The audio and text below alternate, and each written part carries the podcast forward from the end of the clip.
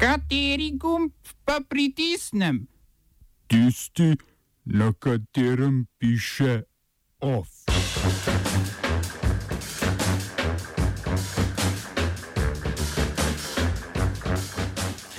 Shod ob stoletnici polske samostojnosti bo kljub prepovedi Varšavske županje. Avstralska vlada pripravila sistem ukrepov za močnejši vpliv in povezovanje v Južnem Pacifiku. Poprečnina v slovenskih občinah bo naslednje leto 15 evrov višja.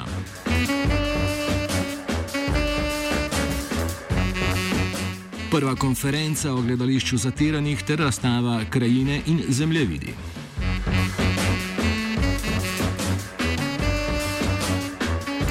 Varšavska županja Hanna Gronkijevič-Volc je prepovedala napovedani shod ob stoti obletnici osamostvojitve Polske 11. novembra, ki ga že od leta 2008 organizira nacionalni radikalni tabor. V namen proslave so predhodno postavili kip preminulemu bivšemu predsedniku države in dvojčku aktualnega voditelja vodilne stranke Lehu Kačinskemu. Lani se je shoda odeležilo 60 tisoč ljudi, letos pa jih pričakujejo dvakrat več, kar v času, ko petina policistov ne dela zaradi stavke, predstavlja težavo za ohranjanje varnosti. Hkrati se je županja s prepovedjo poskušala izogniti rasistični simboliki in vzklikom, ki so zasenčile lansko proslavo. Varnost in rasizem pa ne skrbita predsednika države Andrzeja Dude in premijeja Mateuša Moravjeckega iz nacionalistične stranke Zakon in pravičnost, ki bosta organizirala svojo proslavo na istem mestu ob istem času, kot je bila načrtovana prepovedana. Predsednik Duda je ob tem povabil vse Poljake, da se shoda udeležijo le pod rdeče-belo polsko zastavo in se izognejo rasizma.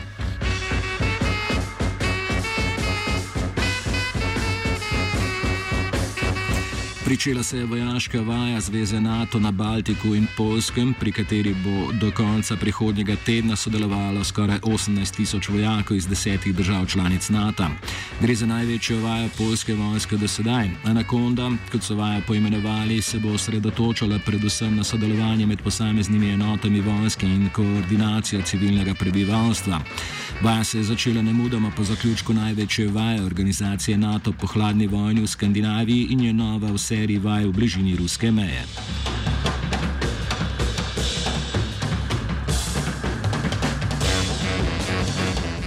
Avstralska vlada je pripravila sistem ukrepov, ki bodo okrepili vpliv Avstralije na Južnem Pacifiku.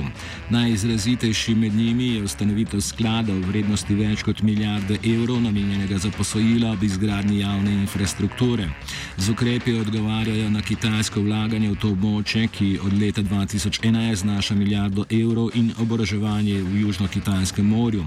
Avstralija se ne bo ustavila pri finančni pomoči, načrtuje kadrovsko pomoč za vojaško usposabljanje v državah Južnega Pacifika, vzpostavitev novih diplomatskih predstavništv in gradnjo podvodnega internetnega kabla do Salomonovih otokov, ki bo konkuriral podobnemu kitajskemu projektu.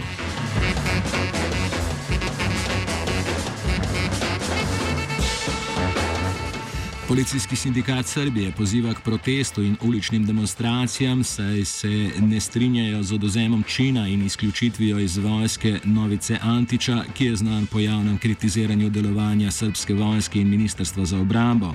Vojaško-disciplinsko sodišče je odločitev sprejelo na podlagi Antičevega sindikalnega udejstvovanja in javnega nastopanja predsednika vojnega sindikata med protesti leta 2016 in 2017. Antičuje vojaško sodišče že v začetku leta znižalo čin in ga kaznovalo 40 evri, po pritožbi pa je na drugi stopni prejel še hujšo kazen. Uh, Oba, če, če bom odgovoril na angliški. Uh, uh, Slovenija bo poskušala pomagati. Slovenija bo naredila svoj utmost, da bo rekla, da je situacija naš problem, ourselves. In da bomo make further steps as soon as the conditions are uh, very, very serious. News from Slovenia. We know how and we will. Predsednik stranke Desus Karel Rjavec je pred današnjim srečanjem koalicijskih partnerjev opozoril, da je pogoj za strankino podporo predloga o spremembi minimalne plače jasno zagotovilo o izrednem usklejevanju pokojnin. Levica je na včerajšnji seji državnega zbora vložila predlog o spremembi minimalne plače, ki predvideva zvišanje minimalne mesečne neto plače na 667 evrov z letom 2019, leto kasneje pa na 700 evrov. Levica je predtem zbrala podpise podpore vseh koalicijskih partnerjev, predlogu pa zaradi pomankanja socialnega dialoga ob postavljanju višine minimalne plače nasprotujeta Združenje delodajalcev Slovenije in Gospodarska zbornica Slovenije.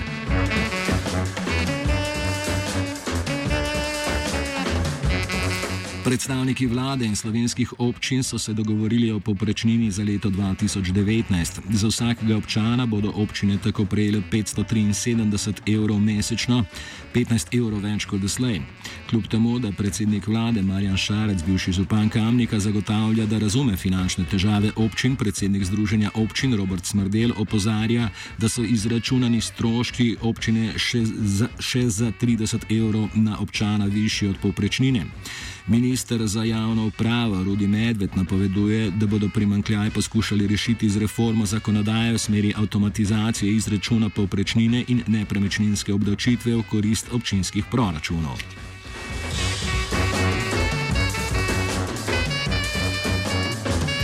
Na biotehnički fakulteti se je zaključil posvet z naslovom Izzivi v lesarstvu 2018. Na posvetu so sodelovali predstavniki stroke in industrije.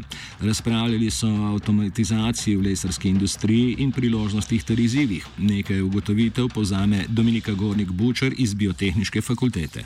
Zagotovo veliki izzivi so v ponovnem prebujanju primarne industrije. To sta nekje dve področji torej žagarska proizvodnja in proizvodnja furnerja. Žagarska proizvodnja je dosegla, dosega zdaj Opozorjen.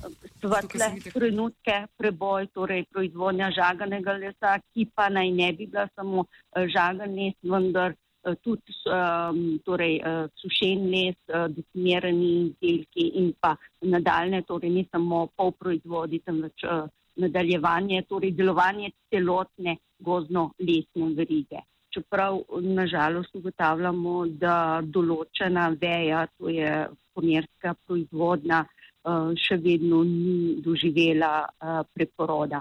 Kar se pa tiče uh, primarne industrije in žagarske industrije, smo pa ugotovili, da se dogajajo velike spremembe v smislu novih investicij, kar bo pomenilo, da bomo še večje količine uh, lesa predelali na slovenskih žagarskih obratih. Of je pripravil Vanec Virant.